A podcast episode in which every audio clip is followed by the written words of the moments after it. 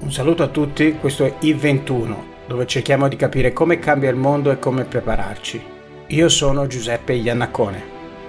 Episodio 7 di I21, una conversazione con Irene Tinagli sulle opportunità e i rischi della ripresa post-Covid in Italia e in Europa, sulle due transizioni digitale ed ecologica, sui giovani e la formazione. Irene Tinaglia è presidente della Commissione Problemi Economici e Monetari del Parlamento Europeo, che ha istruito il Resilience Recovery Facility e lo strumento InvestEU. Dopo questa conversazione è stata anche nominata vice segretario del Partito Democratico. La conversazione è stata registrata il 19 marzo 2021 e come tutte le altre di I21 è disponibile anche su YouTube, basta cercare I21. Cominciamo! Come funziona il lavoro in Econ, prima di tutto? Beh, uh, noi intanto grazie, grazie Giuseppe, ecco, spero che ci si possa chiamare Irene, Giuseppe, insomma l'onorevole certo. va bene per le presentazioni, poi si chiera meglio così. E, ma guarda, noi eh, facciamo molto lavoro nel Parlamento europeo, le commissioni servono proprio per fare tutto il lavoro eh, più nel merito dei provvedimenti legislativi, eh, si discutono tutti i dettagli più tecnici, gli emendamenti, si arriva a un testo del, del Parlamento che viene votato in commissione commissione, poi ovviamente viene votato anche in plenaria, ma diciamo il grosso del, del lavoro lo si fa in commissione e quando si va a negoziare, perché in Europa ci sono due colegislatori, ci siamo noi come Parlamento e il Consiglio europeo, quindi anche il testo che esce dal nostro dibattito interno e dai nostri emendamenti poi deve essere diciamo, confrontato e negoziato col Consiglio europeo. Ecco, quel negoziato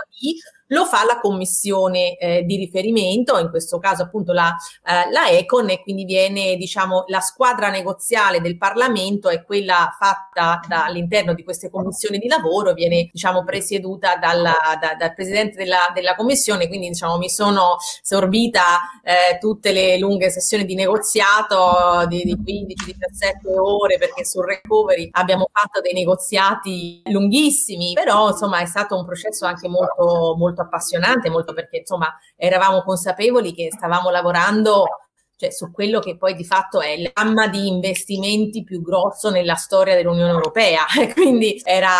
eh, diciamo una, una, grande responsabilità e una grande emozione per tutti, insomma. E, e ora però eh, speriamo perché, di riuscire a, a, a, fare in fretta anche su tutta la fase di implementazione, perché eh, insomma eh, noi abbiamo cercato di accelerare più possibile i tempi per l'approvazione del regolamento e, e tutti gli emendamenti e tutto quanto entro Natale Natale, però eh, ora c'è bisogno anche di accelerare sui piani nazionali, c'è bisogno, tra l'altro, eh, una cosa che nessuno dice, ma eh, adesso c- c'è bisogno di a- avere anche le ratifiche dei parlamenti nazionali su quello che si chiama eh, il provvedimento delle own resources, delle risorse proprie, che consentirà poi di alzare le garanzie messe a disposizione dai vari stati per andare a emettere debito comune quindi perché questo tutto il recovery è finanziato dal debito comune e questa cosa va ratificata uh, nei parlamenti nazionali, alcuni l'hanno già fatto, vari l'hanno già fatto, però uh, altri ancora no, perché chi ha avuto le elezioni come l'Olanda, chi ancora magari ce le avrà a breve, quindi dobbiamo anche monitorare e eh, noi contiamo di riuscire ad avere tutte le ratifiche comunque entro un mese o due, di modo che a mm, giugno-luglio la Commissione possa andare sui mercati a emettere diciamo, i titoli per finanziare la Recovery Facility che poi finanzierà i piani nazionali di ripresa e resilienza. Eh, proviamo a vedere in dettaglio come, è strutturata la Recovery Resilience Facility. Non sono, innanzitutto il, il, il totale è poco più di 650-670 miliardi, di cui un po' meno della metà sono grant, quindi sono, um, come dire, a fondo perduto, come si dice in, in italiano, e invece eh, un poco più della metà sono prestiti? E, e poi sono estremamente vincolati nell'impiego, giusto, nel, nell'impiego da parte dei, dei Paesi membri. E questo è un aspetto effettivamente eh, importante perché il vincolo è sia nel tipo di impiego e sia nel, nel timeline dell'impiego eh, nel, nel, nel, percorso dell'impiego, no? perché eh, almeno da, dai documenti ufficiali c'è questo monitoraggio che deve essere effettuato ogni sei mesi per verificare se effettivamente il piano, come ciascun governo, ciascun Parlamento in realtà approvato e ciascun governo presentato e il Parlamento approvato effettivamente procede. C'è un altro aspetto che secondo me potrebbe essere interessante soprattutto per chi ci ascolta. Il tipo di attività che deve essere svolto nell'ambito dei, del Recovery Resilience Facility da ciascun paese è legato a delle raccomandazioni specifiche per i vari paesi. Giusto? Come funziona esattamente questo meccanismo? Allora sì, questo programma ha delle, diciamo, delle indicazioni su come spenderlo e quando eh, spenderlo. Quindi il, queste erano proprio fin dall'inizio, diciamo, sono state delle Uh, delle cose necessarie anche per convincere i paesi, tutti gli altri paesi europei che erano un po' più scettici, perché uh, emettere debito comune eh, era stato un passo enorme eh, nell'integrazione europea e ehm, era convincerli che questo era mirato alla uh, crisi pandemica e quindi limitato nel tempo che in quello che poteva servire per la ripresa dalla crisi indotta dal Covid. Quindi noi avremo uh, fino alla fine del 2023 per impegnare queste risorse e eh, fino al 2026 per eh, spenderli e, e, e, fare questi investimenti eh, e queste eh, iniziative e questi progetti. Ci saranno delle scadenze semestrali, quindi noi dovremo dire nel piano nazionale, noi come tutti quelli che presentano i piani nazionali, quello che vogliamo fare e con quali tempistiche. Cioè, eh, noi diciamo, vogliamo, ora faccio un esempio proprio banale, cioè, quindi se devi fare eh, 500 km di autostrada, che poi non sarà perché le infrastrutture, diciamo, di ferrovia, okay. perché dobbiamo farle sostenibili, e quindi eh, magari gli diciamo, entro i primi sei mesi abbiamo iniziato e messo la prima pietra, e dopo un anno facciamo 10 km, cioè devi essere, avere queste scadenze e poi verranno verificate. Ci sono delle indicazioni anche su come spenderli, perché ehm, la eh, Commissione e la, diciamo, l'Unione Europea ha detto ma visto che noi immettiamo nel sistema la bellezza di 750 miliardi per investimenti, quindi per cose che resteranno nel futuro,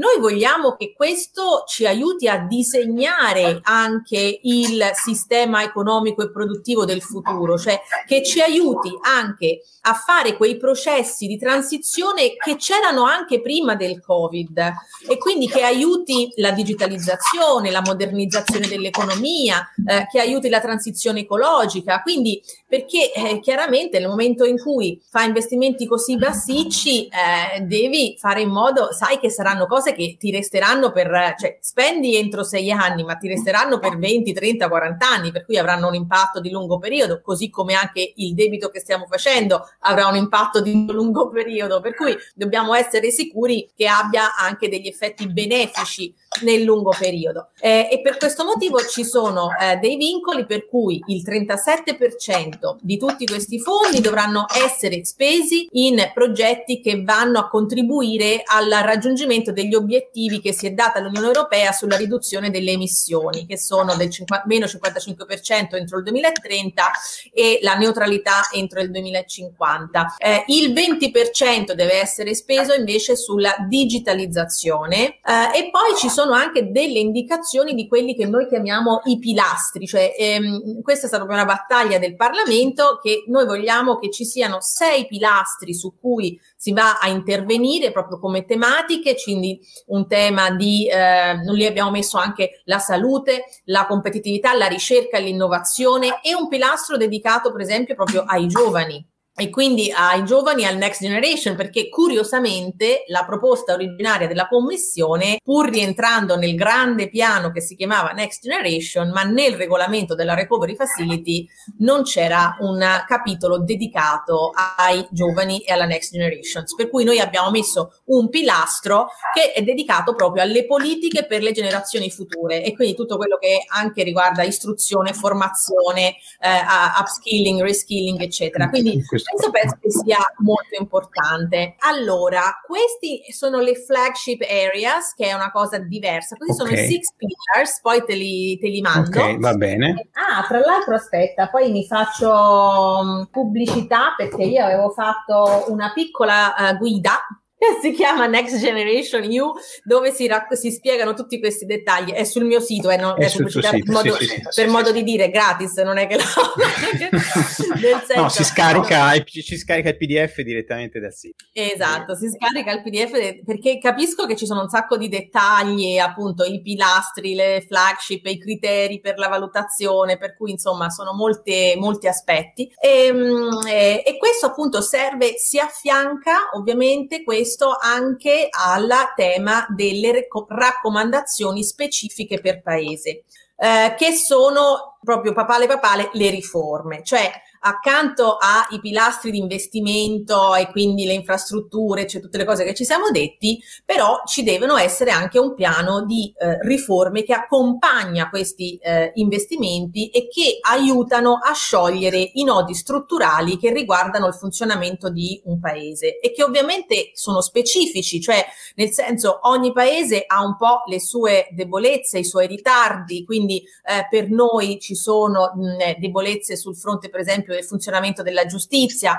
della pubblica amministrazione, eh, altri paesi hanno altri eh, fronti su cui intervenire. Queste raccomandazioni sono raccomandazioni che in realtà periodicamente la Commissione fa ai Paesi membri, quindi rientrano in quello che si chiama il semestre europeo, cioè le azioni di coordinamento delle politiche economiche dei vari paesi e quindi noi nel spendere questi soldi dobbiamo tenere conto anche di questi aspetti e tenere conto delle raccomandazioni raccomandazioni che c'erano state fatte nel 2020, che in realtà sono raccomandazioni molto morbide, sono sostanzialmente raccomandazioni di spesa, perché nel 20 c'era già la pandemia e la Commissione ci raccomandava di spendere, di, di investire nella sanità, eh, di investire nella digitalizzazione della scuola, per, ehm, e le raccomandazioni del 2019 eh, che erano più indirizzate a riforme strutturali come la giustizia, la PA, la pubblica amministrazione, la burocrazia, eccetera. Quindi questo e ogni paese ha le sue, ecco voglio dire, ce l'ha la Francia, eh, magari più sul fronte pensioni, ce l'ha l'Olanda sul fisco, eh, perché anche l'Olanda ha le sue riformine da fare sul fronte fiscale, quindi questo sarà un po' il pacchetto. No, io, io, effettivamente mi sono un po' insomma, divertito, cioè, ero, ero, un po' curioso di andare a vedere che differenza eh, c'è tra le raccomandazioni per, per, l'Italia e le raccomandazioni per la Francia e la Germania. E, e, effettivamente c'è una base comune, di cui una parte importante è prendere tutte le misure per affrontare la pandemia e sostenere l'economia, perché queste raccomandazioni, come dicevi tu prima, sono uscite in piena pandemia, quindi chiaramente quella è una base comune. Già le raccomandazioni riportano l'importanza della transizione verde e digitale e poi la, la, la, il trasporto pubblico sostenibile, ricerca e innovazione, un po' le cose onestamente solite che l'Europa ogni, ogni, anno più o meno ripete. E poi per noi, noi, come dire, in Italia c'era effettivamente una serie di raccomandazioni ad hoc, no? Eh, quindi sistema giudiziario e riforma del sistema giudiziario, pubblica amministrazione, che è una nota dolente, diciamo,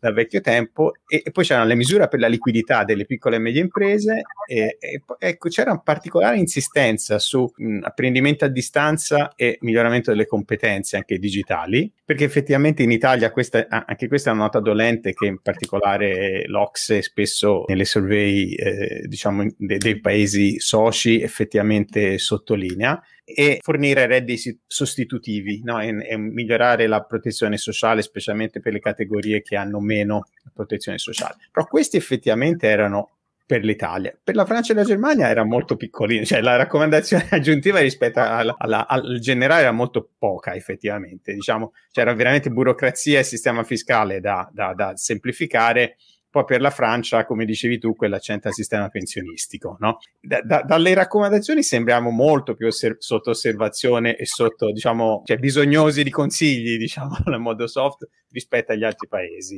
E questo r- risponde anche alla sensazione che si ha eh, stando in, in, in Econ, nel, nel, nel, comitato in cui ti trovi, insomma si sente un po' questa preoccupazione particolare, diciamo, va. Ma allora, un po' sì, nel senso che eh, su due fronti, nel senso, eh, primo che eh, l'Italia, eh, ce lo dobbiamo dire, ora non ne parliamo più perché c'è la crisi, c'è la pandemia, però l'Italia ha il secondo debito più grosso dell'Unione e penso il terzo del mondo, quindi come debito pubblico per un'economia anche manifatturiera grossa come la nostra è un debito molto molto alto che rischia di innescare dei meccanismi meccanismi di stabilità mh, finanziaria e, e, quindi insomma no, ti dicevo, quindi c'è un'attenzione legata a eh, diciamo eh, la nostra storia, eh, il nostro eh, debito pubblico molto molto elevato che può generare instabilità e quindi le raccomandazioni sono mirate a cercare di rendere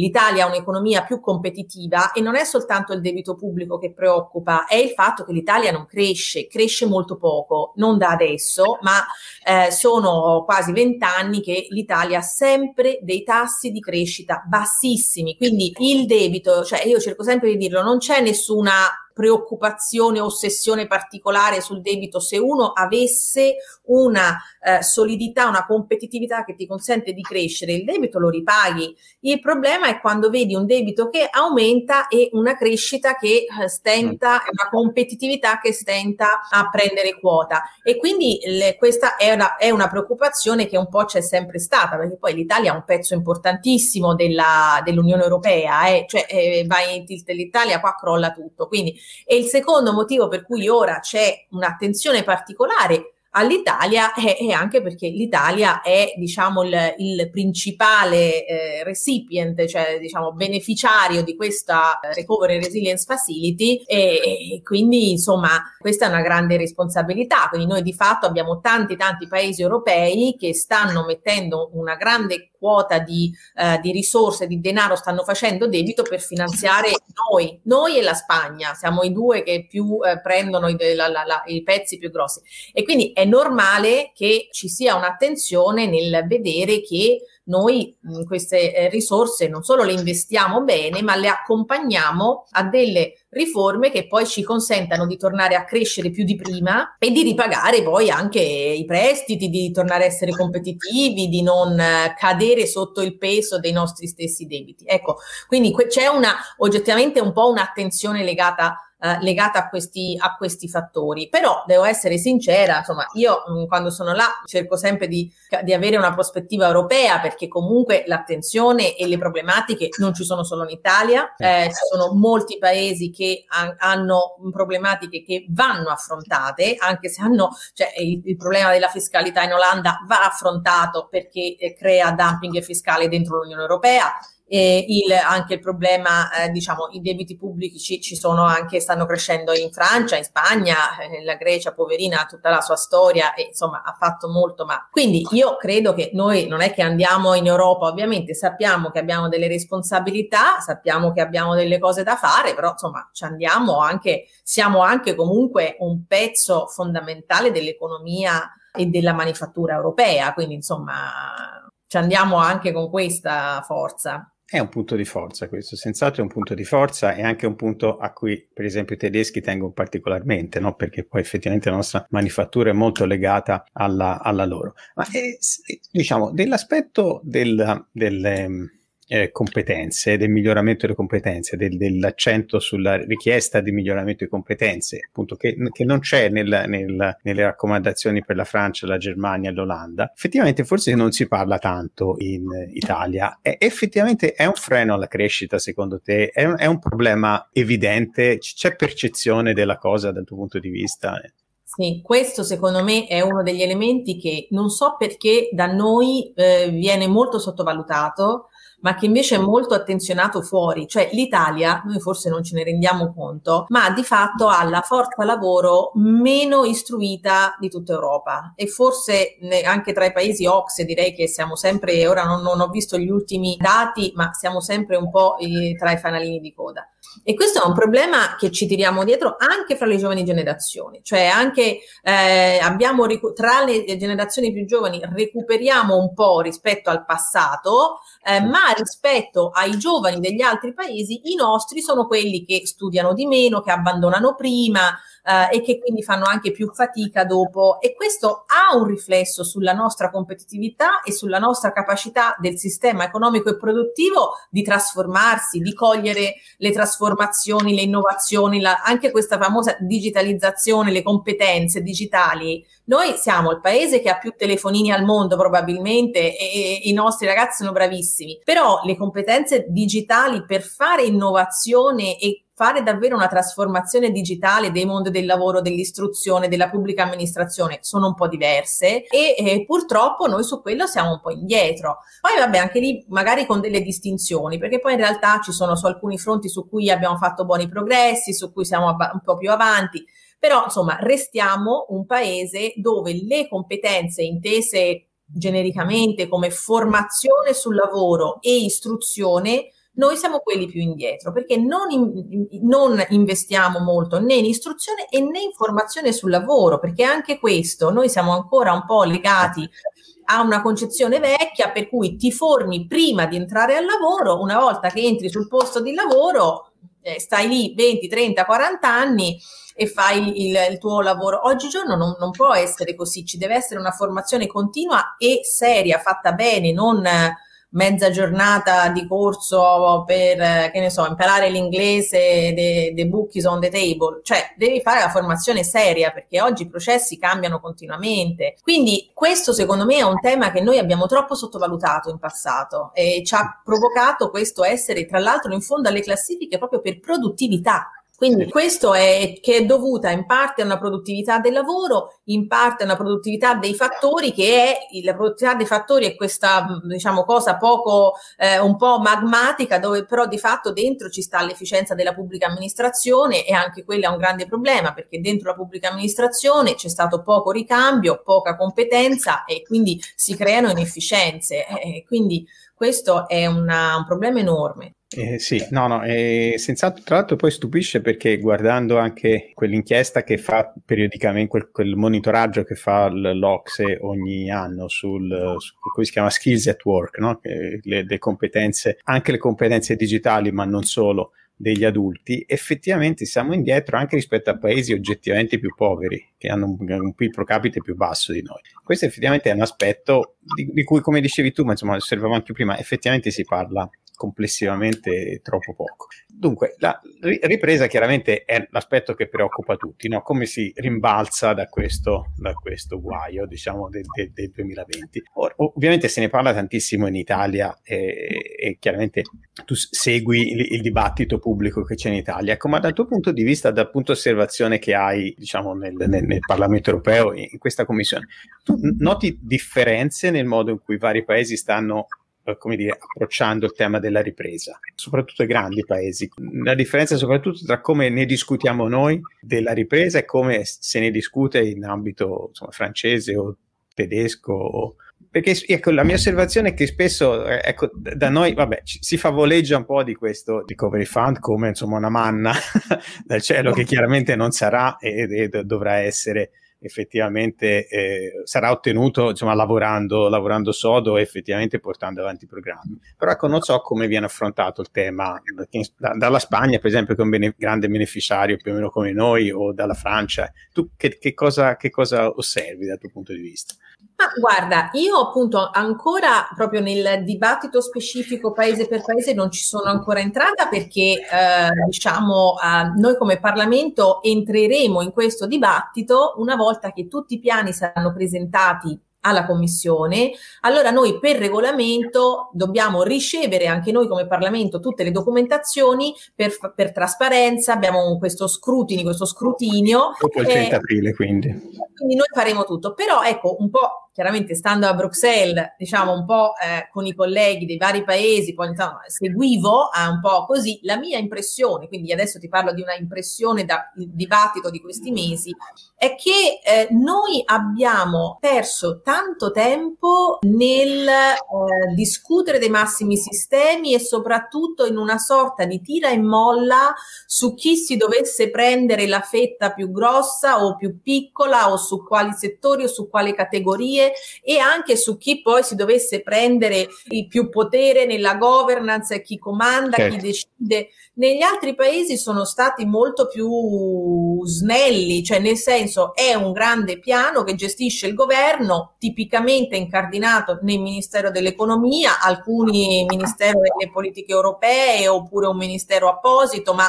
non, non, sono stati mesi a litigare su chi comanda o nel costruire cose faraoniche o nel, diciamo, tipo sei mesi a litigare se deve andare una fetta di più a questa categoria piuttosto che a quest'altra, piuttosto che ai comuni, piuttosto. Si è ragionato sulle priorità di intervento nazionale sulla base in parte delle raccomandazioni, diciamo, eh, di cui si parlava prima e in parte, diciamo, sulle indicazioni che già stanno dentro al, al regolamento funzionamento del recovery fund, che l'abbiamo detto prima, cioè alla fine non è che ci vuole una fantasia, cioè quando parli di eh, obiettivi climatici è chiaro che molti paesi per esempio hanno molti programmi sulla riqualificazione energetica, certo. eh, su questo tipo di intervento, sulle infrastrutture sostenibili, l'ambiente eccetera, per cui ho avuto l'impressione che da noi questa storica nostra difficoltà a fare sistema, a trovare sintesi e questa enorme frammentazione anche dei centri di potere, di interesse, di discussione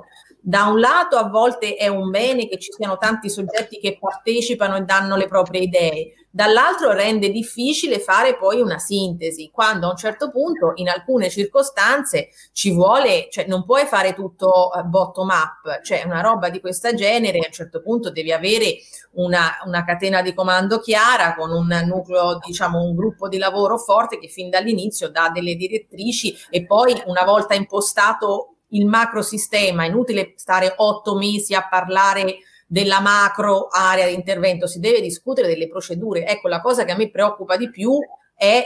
la tempistica, gli indicatori di misurazione, le procedure per accelerare i bandi, eh, la, la, proprio la parte dell'implementazione. Ecco, noi eh, siamo grandi filosofi, grandi poeti e navigatori, ma eh, poi eh, bisogna anche un po' stringere. Ecco, però insomma, devo essere sincera, non è che io abbia visto per quello che ho visto negli altri piani delle cose che, cioè, oddio, che idee così stratosferiche diverse dalle nostre, ma più o meno gli ambiti di intervento sono quelli. Tra l'altro sulle riforme tutti hanno un po' di timidezza, non siamo gli unici, siamo stati accusati, ma insomma vedo che sono tutti molto più entusiasti quando si parla di spendere e investire e più resti quando si tratta di fare le riforme, soprattutto quando devono mettere mano alle pensioni, eh? quindi quello mi sembra un tratto comune. Quindi insomma noi ancora abbiamo tempo, mettiamoci sotto senza tante polemiche, lavorando insieme. Ecco, questo mi sembra proprio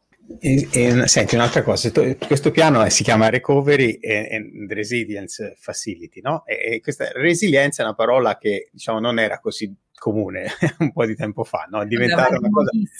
sempre... Va di modissima ora. ora va di modissima. Allora io mi sono divertito a fare una cosa, no? Guarda, ho preso su, su, Google Trends ho guardato come è, è, è aumentato il, numero di volte che viene cercata la parola resilience nel tempo, negli ultimi 15 anni, e per fare un confronto, per tararlo, perché poi ho detto magari tutti i termini crescono perché l'uso di, di Google aumenta nel tempo, ho confrontato con una parola che insomma comunque considerata abbastanza moderna che è information technology. E effettivamente resilience è una cosa quasi sconosciuta, adesso praticamente nelle ricerche entra tanto quanto information technology, insomma nella barra del browser poi vuol dire nelle ricerche. Cioè, quindi questo accento è, è, è, veramente forte su, su resilience, ma per, perché è così importante? Dal punto di vista, perché è entrata così prepotentemente nel, nel, nel vocabolario? Ecco. Io penso perché, allora, eh, perché a volte l'esperienza insegna eh, e purtroppo a volte si impara anche dalle difficoltà, dagli errori, dalle crisi. Eh, L'Europa gira e rigira eh, negli ultimi 15 anni ha attraversato due crisi enormi, quindi noi abbiamo attraversato la grande recessione finanziaria, eh, diciamo 2008-2012, che è stata devastante, quindi dove si sono sommati la crisi finanziaria e subito dopo a ruota la crisi dei debiti sovrani. eh, quando abbiamo con grande fatica eh, ricominciato un po' a eh, rialzare la testa, è arrivata una crisi sanitaria, pandemica, eh, e quindi questo, diciamo, ha messo veramente a dura prova, ci ha fatto capire che, per esempio, anche il tema della competitività, della, no, della forza di un paese non è soltanto da una parte non è soltanto information technology, per dire una cosa, è, non è soltanto investimenti nelle infrastrutture, ma è per esempio anche la capacità di avere un sistema istituzionale che regge una, eh, li, vari livelli che riescono a lavorare in modo coordinato. Caspita, in questi mesi quanto è stato il costo della difficoltà di coordinamento tra i diversi livelli amministrativi e dello Stato eh, in tutta Europa, eh, non solo in Italia, cioè il problema della gestione sanitaria a livello europeo, nazionale e regionale è stato un dramma, quindi anche lì la burocrazia, la digitalizzazione, la capacità di switchare, di cambiare modalità di lavoro dalla sera alla mattina, modalità di insegnamento dalla sera alla mattina, ecco, eh, il sistema sanitario, anche lì la resilienza ci siamo accorti che quello che davamo un po' per scontato e che anzi negli ultimi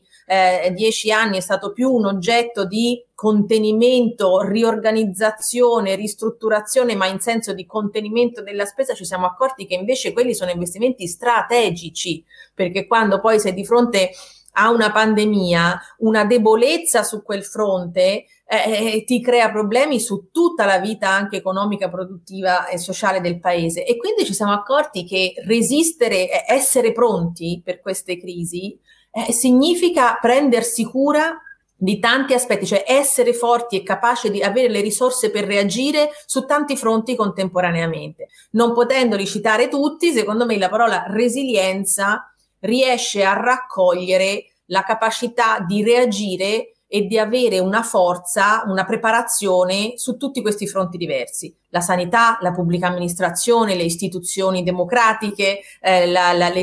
diciamo, le infrastrutture digitali. Ecco, questo è un po' perché ci si è accorti che anche quando ci sembrano, le diamo per scontate, ci sono delle cose che in realtà sono fondamentali, bisogna investirci perché poi quando arriva una crisi devi essere pronto. Eh, se, se, sembra una cosa che poi in, pra- in, pratica in molti casi voglia dire eh, ridurre l'ottimizzazione, no? Di, di, fatto, cioè cercare di avere un po' più di scorte, avere un po' più di, come dire, di, di respiro per cui effettivamente eh, si, si, può far fronte a una crisi. Ora, io, banalmente, abbiamo visto quello che è successo nel, nel settore dell'automobile con la mancanza di, di, di chip, no? di semiconduttori. Di fatto, loro, quella è un'industria abituata a non fare scorte, a lavorare just in time e la carenza di, di, di,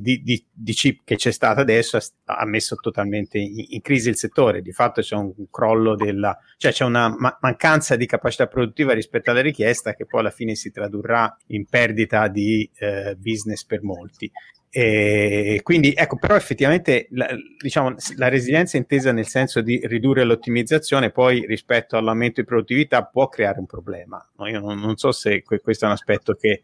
crea un, un dilemma, no? ci conviene essere più produttivi o più resilienti perché un po' di contrasto tra le due cose c'è in, in, in pratica, no? mettere risorse in più, che fare un sistema un po' più ridondante, no? che regge un po' meglio agli stress, di fatto vuol dire, vuol dire in qualche modo tenere delle risorse ferme lì perché potrebbero servire no? in qualche modo. Però eh, cioè, ce ne siamo accorti purtroppo che un, un po' ci vuole, no? Ma guarda, ora questo è un dibattito molto complesso ma eh, azzeccatissimo, eh, perché secondo me lo dovremo affrontare. Poi adesso siamo ancora nel mezzo della pandemia, per cui adesso non è che possiamo parlare di ridondanza certo. delle risorse sanitarie, certo. per esempio, no? Quindi è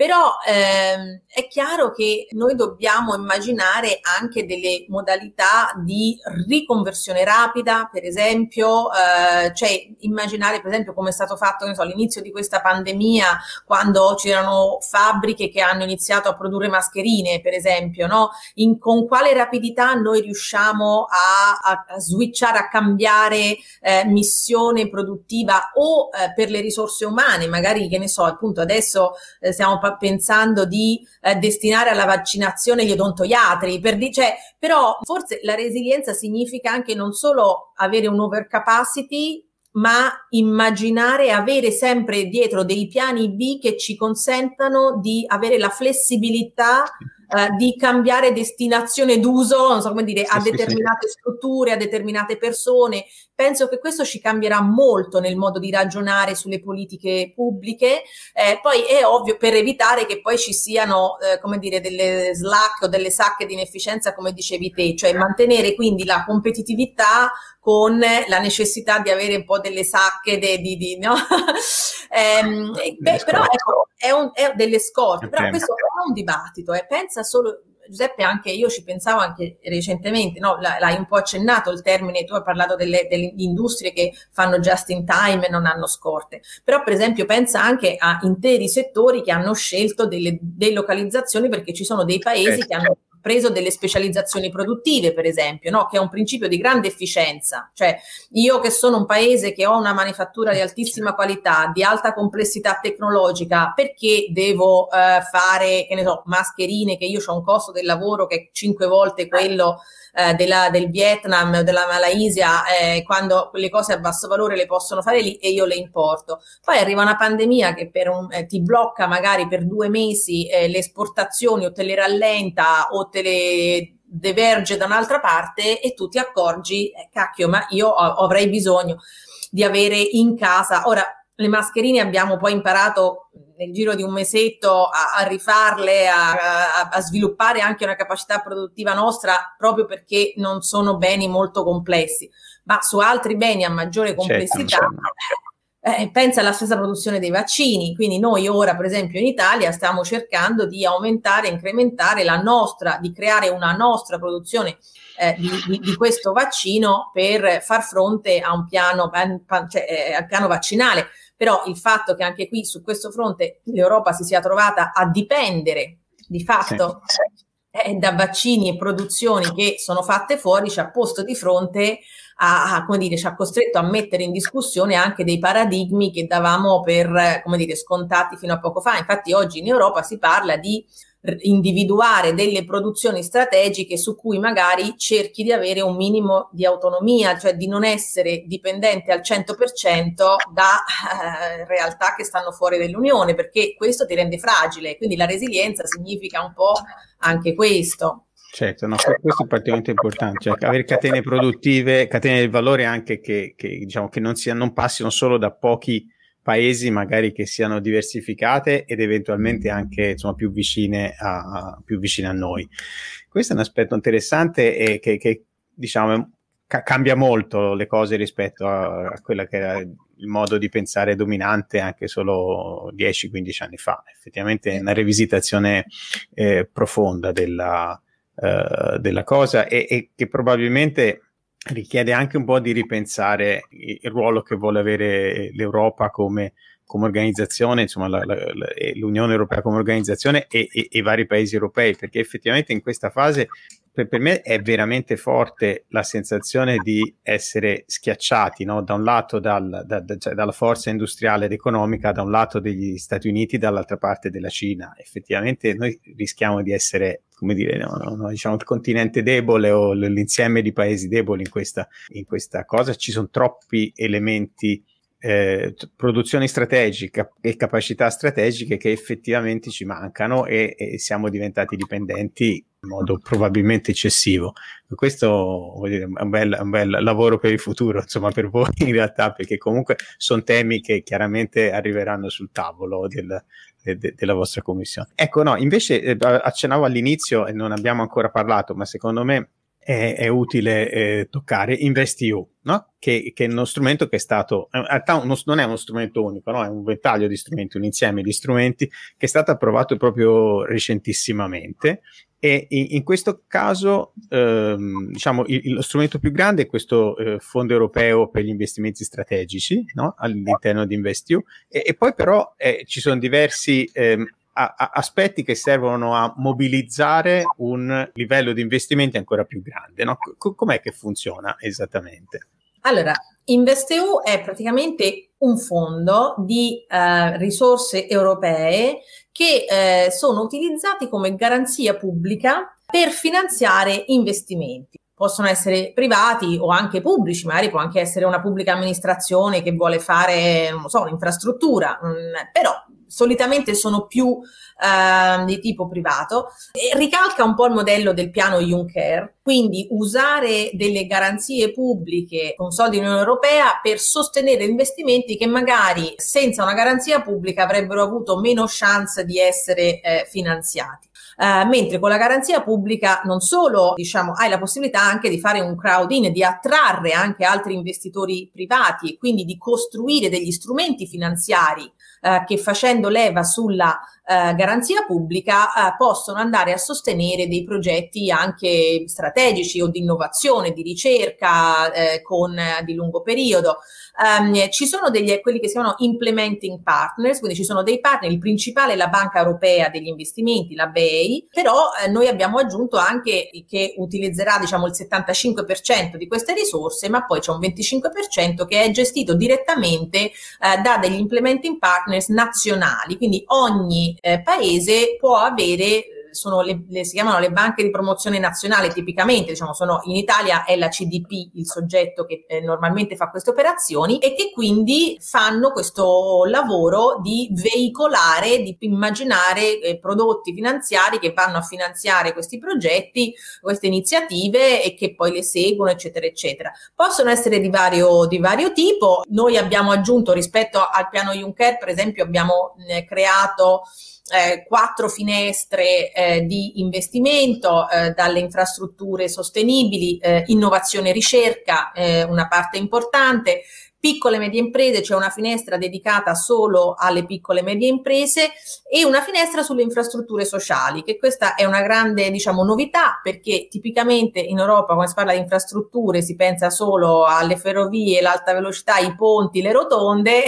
ma le infrastrutture sono anche quelle sociali perché comunque lo, lo abbiamo visto a maggior ragione in questa crisi, le reti dei servizi sociosanitari, eh, le servizi per l'infanzia, queste sono infrastrutture eh, che aiutano una comunità a, a, a, essere più prospera, anche più competitiva. Mh? Mm? Quindi eh, abbiamo messo anche la, la finestra sulle infrastrutture sociali, tra l'altro per esempio la possibilità di eh, finanziare progetti di workers buyout, quindi lavoratori di eh, aziende che eh, magari sono in procinto di chiudere, ma i lavoratori decidono, o i manager, insomma, sono, decidono di fare un investimento, rilevare l'azienda, possono eh, contare su questo tipo di eh, garanzia pubblica per avere dei finanziamenti per poter fare queste operazioni. Abbiamo aggiunto anche la possibilità di fare interventi in equity o semi-equity, cioè che significa non solo avere prodotti tipo di prestiti, ma di avere interventi di ricapitalizzazione. Quindi questo anche è importante in una fase come questa eh, perché eh, tu puoi dare tutti i prestiti agevolati che vuoi, ma sempre debito è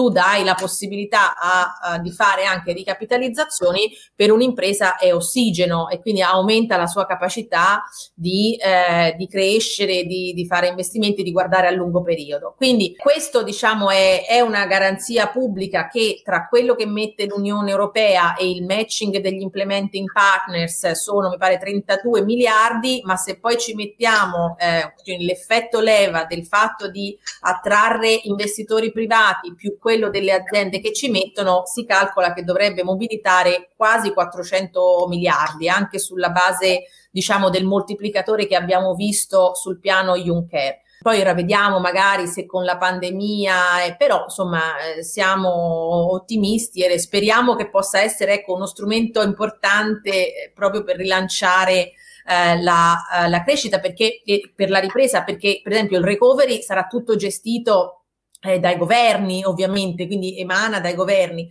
InvestEU è un programma dove le imprese possono fare domanda diretta. Ecco, questo cioè eh, vai sul sito della commissione, c'è tutta la pagina su InvestEU, tra l'altro è stata fatta, c'è la, l'advisory hub, quindi c'è un nucleo di, diciamo, di persone che aiuta le imprese a scrivere i progetti, a capire come riuscire a, a partecipare, ci sarà una, eh, una piattaforma dove vengono pubblicati progetti finanziabili così gli investitori se vogliono investire in alcuni di questi progetti e metterci e possono farlo. In realtà c'è, eh, no, effettivamente il meccanismo di garanzia è potente per la leva che, che,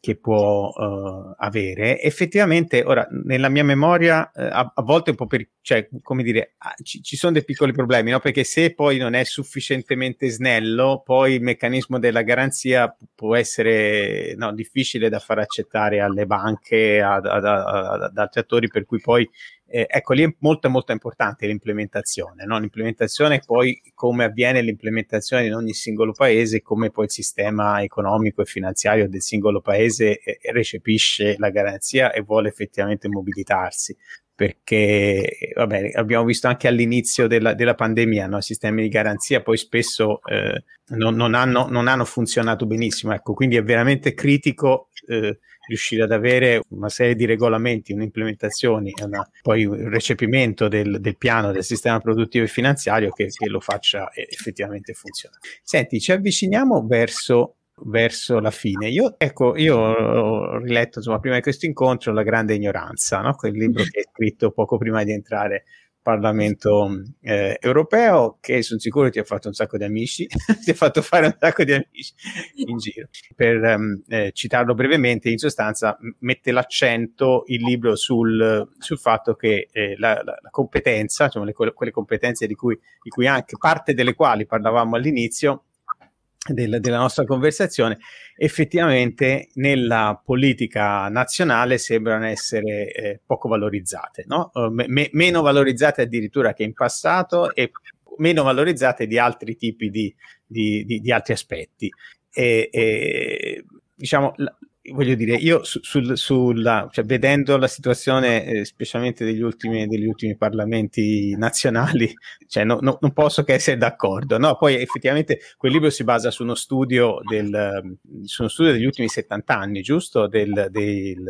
dei membri del Parlamento, della Camera forse, soltanto la Camera e del, e del governo, giusto? In Italia. Brevemente, secondo te qual è il motivo? Cioè, che, la, la tesi libro, perché è successo questa, questa, perché c'è stata questa deriva in Italia? Guarda, allora, ehm, in Italia è, c'è, è, c'è, stato un declino lento ma costante, eh, per esempio del livello, che ne so, di laureati presenti nel Parlamento italiano eh, di laureati presenti nel governo, che è una cosa che può anche un po' stupire perché eh, uno dice eh, nell'arco di 70 anni il livello medio di istruzione della popolazione è cioè, non decuplicato di più, eh, se pensi tipo alla, all'inizio della Repubblica nel certo. 48, nel 50, eh, però all'epoca eh, i membri del Parlamento e dei governi erano quasi al 100% tutti laureati 70 anni fa. Eh, e questa percentuale, man mano che la popolazione si alzava come livello di istruzione, invece nella politica, nel governo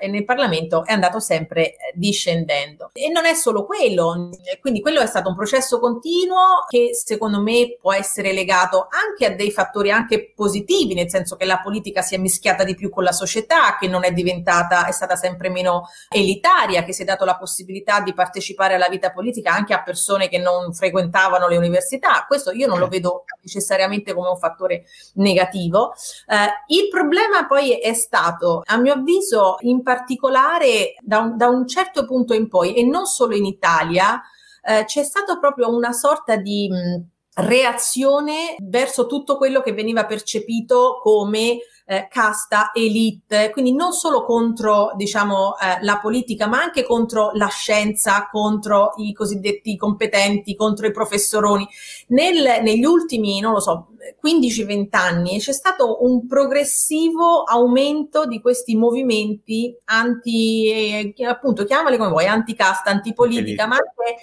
ma anche anti-elite in senso generale, che sono poi movimenti che hanno portato Trump a, a, negli Stati Uniti, sono, quindi non è stato, ehm, e, e, che secondo me sono figli di un fenomeno molto, molto complesso, eh, nel senso eh, da un lato eh, ci sono stati delle, eh, probabilmente probabilmente anche dei problemi sociali che erano stati sottovalutati, un aumento delle diseguaglianze che ha fatto sentire molti elettori traditi dalle eh, cosiddette elite che li avevano governati. Ci sono stati però anche un'influenza molto particolare, secondo me un ruolo importante l'ha avuto l'evoluzione dei mezzi di comunicazione, perché eh, man mano che eh, noi ci, abbiamo, ci siamo spostati su dei mezzi di comunicazione, già io questo trend guardando i dati l'ho associato, l'ho visto già dopo l'introduzione della televisione di massa, per esempio, già lì ha incominciato a cambiare la politica, la comunicazione politica e la, la, le caratteristiche delle persone che salgono al potere. Perché eh, quando eh, arriva la comunicazione di, di massa, la, le persone che ti vedono e devono poi votarti cambiano completamente il loro modo, non valutano più solo le cose che leggono o le cose che ascoltano alla radio,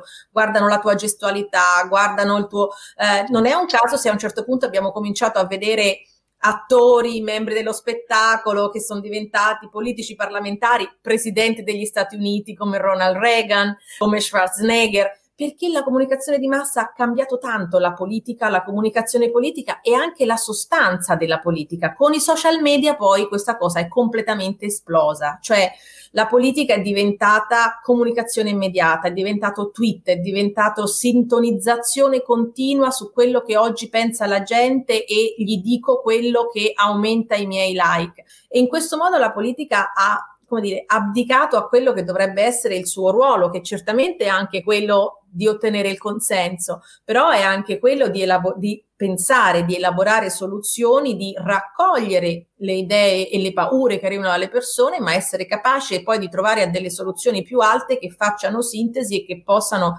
come dire, trovare delle strade che magari le persone comuni su Twitter o su Facebook non vedono. Invece poi la, la, politica è diventata un grande megafono, è un grande megafono di tutte queste rabbie e ha rinunciato alla competenza. E se la politica diventa questo, la competenza non serve più. Cioè, ti, non ti serve il politico competente, ti serve quello che si sintonizza meglio sulle rabbie della persona. Ma eh, senti, a proposito dell'elite, no? E, e, ecco, effettivamente la, la, cosa colpisce. Il dato che citavi te è, è impressionante, no? Che in un periodo in cui come negli anni 50, primi anni 50, l'1% della popolazione era, era laureato, il 97% del,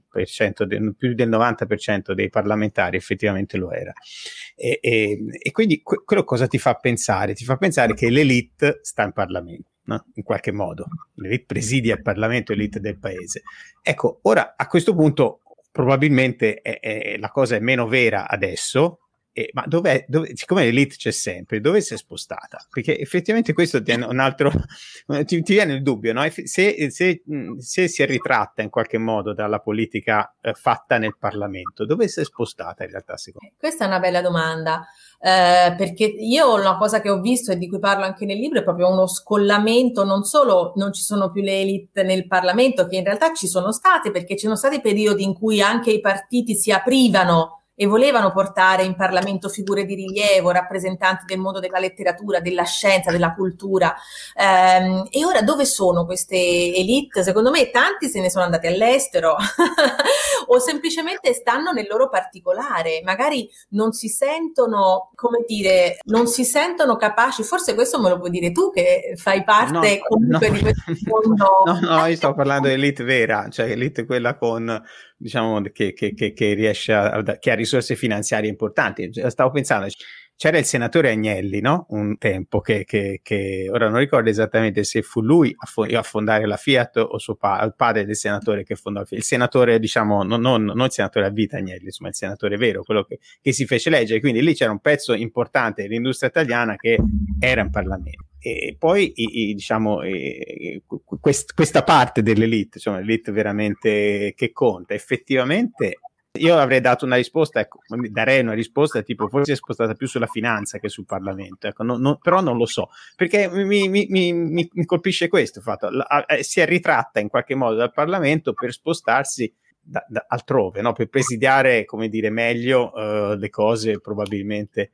altrove. E, e, va bene. Guarda, di, può, darsi, eh, può darsi. Io però per elite intendo tutto, cioè per me anche... Okay l'accademia, eh, in, la cultura, eh, cioè questo mondo è un'elite perché sono persone che hanno dei livelli di cultura, di istruzione, di competenza che magari, eh, voglio dire, non, superiori alla media. E, potre, e, io credo che sarebbe un bene se queste eh, categorie fossero coinvolte, non necessariamente entrando in Parlamento, non è l'unico modo per fare politica o per dare un contributo alla politica, no? Quindi ci posso, oggigiorno per fortuna ci sono molti modi, ma questo scollamento tra mh, le elite, sia quelle economiche che quelle intellettuali, dalla politica, eh, credo che abbia provocato dei danni eh, e credo che forse anche questo sia stato un po' il frutto del fatto che a un certo punto la politica è diventata la cosa sporca che nessuno voleva più fare, perché eh, fare politica vuol dire sporcarsi le mani, ha quasi la reputazione. Io ti dico, quando io la ero... reputazione per... di sicuro. questo è, è impressionante, come veramente bisogna avere, come dire, un livello di, di, capacità di resistere agli attacchi personali impressionante. E, e, e, guarda, veramente, io l'ho vissuta, ho fatto l'attività, diciamo, universitaria, lo, lo sai, l'hai detto, eh, fino a, a, 39 anni, poi ed, ed ero Ehm, complimenti, sempre tutti gentilissimi, rispettosi, eccetera. Io dal giorno in cui mi sono candidata e sono entrata in Parlamento, io da qualche parte l'altro giorno che avevo spostavo delle scatole vecchie, ho ritrovato lettere di minacce, di insulti, di, ehm, è una roba che ti colpisce, ti colpisce perché dici ma come io cerco di provare a, mi rimetto in discussione, lascio la, la, il mio lavoro che mi piace da morire, per cui ho studiato tutta la vita per provare anche a dare un, dire, un contributo, a contribuire alla vita uh, pubblica di questo paese e, e, e, a questo punto la gente ti sputa addosso dalla mattina alla sera. è, è difficile, quindi questo allontana. Um, a me piacerebbe invece che si recuperasse un rapporto uh, più salutare, di maggiore rispetto reciproco reciproco, eh, perché anche la politica ci ha messo del suo, eh, nel senso certo. non, eh, non, voglio fare per carità. Ad aizzare, ad, aizzare poi gli insultatori, ecco, no? certo. ecco, la politica ci ha messo del suo anche nel, anche nel perdere legittimità, perché anche la, la, la, questo è anche il frutto di errori eh, della politica. Però ecco, io mi piacerebbe recuperare un rapporto più sano. Più...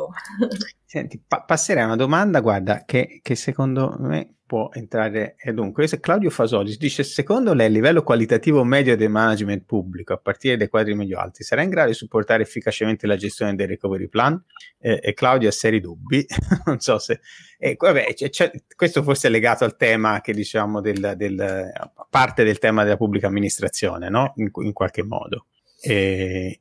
Sì, guarda, allora, mm, il problema non è tanto la, la, qualità, in realtà dentro la pubblica amministrazione ci sono anche tante competenze valide. Io, mm, ma che ne so, anche banalmente quando ero a Roma all'interno del, del Parlamento ci sono funzionari che sono selezionati con dei concorsi infiniti, di, complicatissimi, per cui sono veramente persone di altissimo, uh, altissimo livello. Uh, è chiaro che però ci sono per esempio dei ministeri che nel corso degli anni sono stati molto svuotati anche di competenze perché non, non, non, è stato rimpiazzato il turnover, perché eh, magari si sono stratificate persone che sono arrivate lì con percorsi e concorsi difficilissimi, con persone che invece sono approdate lì perché stavano nel, in coda con lo spoil system piazzati lì da un partito piuttosto che da un altro. E quindi tanto per voglio dire eh, e quindi eh, si sono creati a volte dei meccanismi anche eh, malati, per cui alla fine le persone veramente brave ci sono, ma non,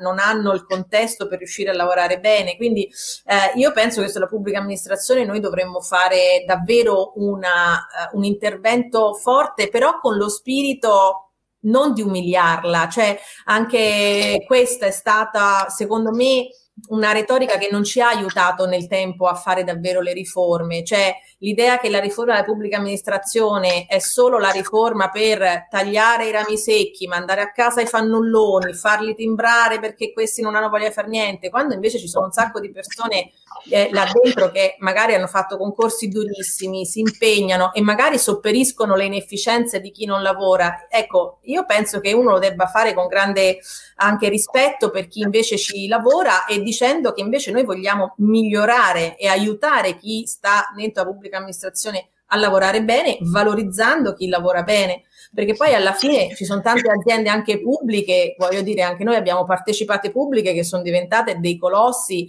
con grande, molto competitivi sul piano internazionale, dove dentro ci sono manager che sono sempre stati manager pubblici, ma che hanno dimostrato di essere in gamba, per cui è un discorso molto molto complicato, no, però è, è molto disomogenea, sono, sono, sono, organizzazioni molto disomogenee all'interno che effettivamente e poi in questo caso hanno il difetto di frustrare magari chi è più capace perché si trova in, una, in un'organizzazione che non funziona come potrebbe, no? E quindi effettivamente vede l'effetto di quello che fa molto ridotto eh, però non è, non è, veramente, quella è una grandissima sfida, ecco, che non passa solo per la digitalizzazione, passa veramente anche per, la, per l'intenzione reale di voler cambiare le cose e di voler, di voler far funzionare un po' la, la macchina. Senti, ti passo un'altra domanda, guarda, questo è un, un, refrain che ritorna, ora non soltanto per il ministro, cosa ne pensa il ministro della salute europeo per coordinare, ministro della salute europeo per coordinare i paesi? Questa è un po' la vecchia cosa che ritorna del governo, eh, eh, come dire, federale europeo.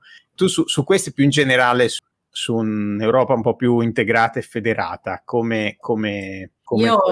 sarei favorevolissima, sarei favorevolissima. Sulla salute è, è, è, particolarmente difficile perché persino a livello nazionale la salute è una competenza che su molti aspetti in realtà è una competenza esclusiva delle regioni, quindi il, la gestione della salute e infatti l'abbiamo visto anche no, le diversità e la difficoltà a volte che abbiamo di coordinare le politiche su tutto, sanitarie su tutto il territorio nazionale, per cui figurarsi a livello europeo ehm, noi dovremmo cambiare i trattati perché eh, diciamo in questo momento non è solo, cioè, manca il ministro diciamo, della salute europeo perché manca una competenza europea in materia sanitaria, eh, per cui dovrebbe esserci il consenso di tutti i paesi paesi che fanno parte della, dell'Unione Europea di delegare, di cedere un po' eh, di sovranità in materia sanitaria per delegarla in, in, pianta stabile, non solo legata all'emergenza o ai vaccini come abbiamo fatto, ma per dire ci sono degli aspetti del coordinamento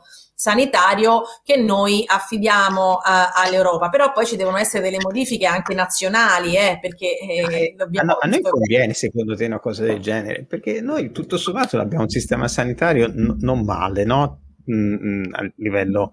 cioè nel confronto con gli altri paesi europei, anche semplicemente misurando l'aspettativa di vita, che è un indice buono no? del, di qualità, del, cioè che è uno dei, degli indici, no, no, non siamo messi male, effettivamente non rischiamo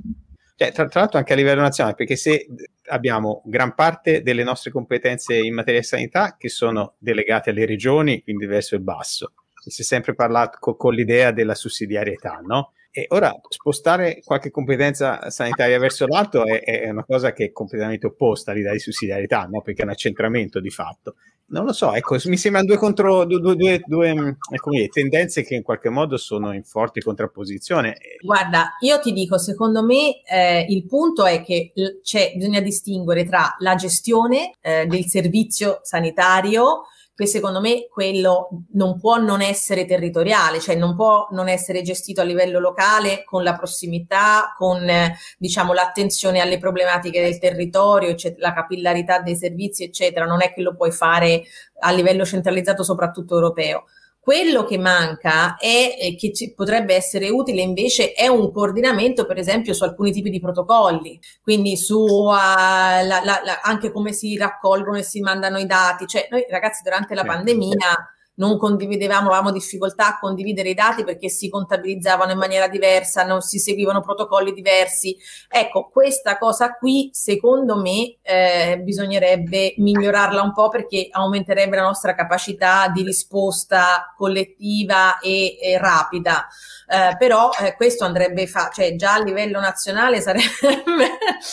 però quindi riuscire a migliorare la parte di coordinamento su alcuni protocolli e su alcuni diciamo aspetti chiave potrebbe essere poi per esempio un altro tema eh, che abbiamo visto in questa pandemia tema della ricerca medica, ecco, aver avuto l'Europa che ha investito miliardi sulla ricerca per sostenere la ricerca, eccetera, probabilmente questo eh, a livello nazionale sarebbe stato molto difficile se non impossibile farlo. Quindi ci sono secondo me alcuni aspetti tipo la ricerca medica scientifica, cioè al, la produzione di alcuni beni comuni che eh, servono a tutta l'Unione, su cui una, la, una, potenza di fuoco come quella dell'Unione può essere utile, che sia la produzione e l'approvvigionamento di, di, di materiale sanitario, che sia la, la ricerca eh, medica, per esempio su questi temi, secondo me l'Unione Europea bisognerebbe che rafforzasse un po' il suo intervento, mentre sulla gestione dei servizi sociosanitari no, perché come giustamente dici tu, poi noi abbiamo già dei sistemi che funzionano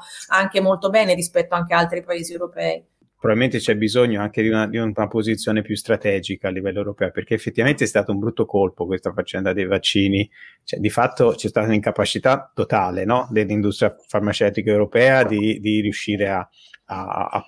arrivare a un vaccino, arrivare in volume. Di fatto l'unica che, che, che, che, ha avuto successo è stata la BioNTech no, in, in, Germania, e però per raggiungere la capacità produttiva diciamo, adeguata e soprattutto fare rapidamente i, i test. No? I, i, I, test ha dovuto praticamente allearsi con Pfizer e, e, e, e, prendere soprattutto come primo mercato il mercato americano, che è quello che è successo. Onestamente quello è un colpo brutto e, e che, che, probabilmente dovrebbe come dire, essere un campanello d'allarme importante e far capire che forse diciamo, le industrie nazionali e multinazionali legate a ciascun paese in Europa sono forse troppo deboli per competere e troppo, troppo, troppo poco attrezzate. È veramente impressionante quello. Cioè, io non, non sono, questa è una cosa che mi ha anche colpito molto che la Russia sia arrivata così presto oggettivamente e, e Sanofi è rimasta a palo, no? E, cioè, onestamente non... Ecco, quello, quello, è un aspetto che, mm. cui è veramente importante eh, collaborazione tra stati membri e, e, e tra eh, le industrie nazionali. Va bene, senti, abbiamo sforato un pochino.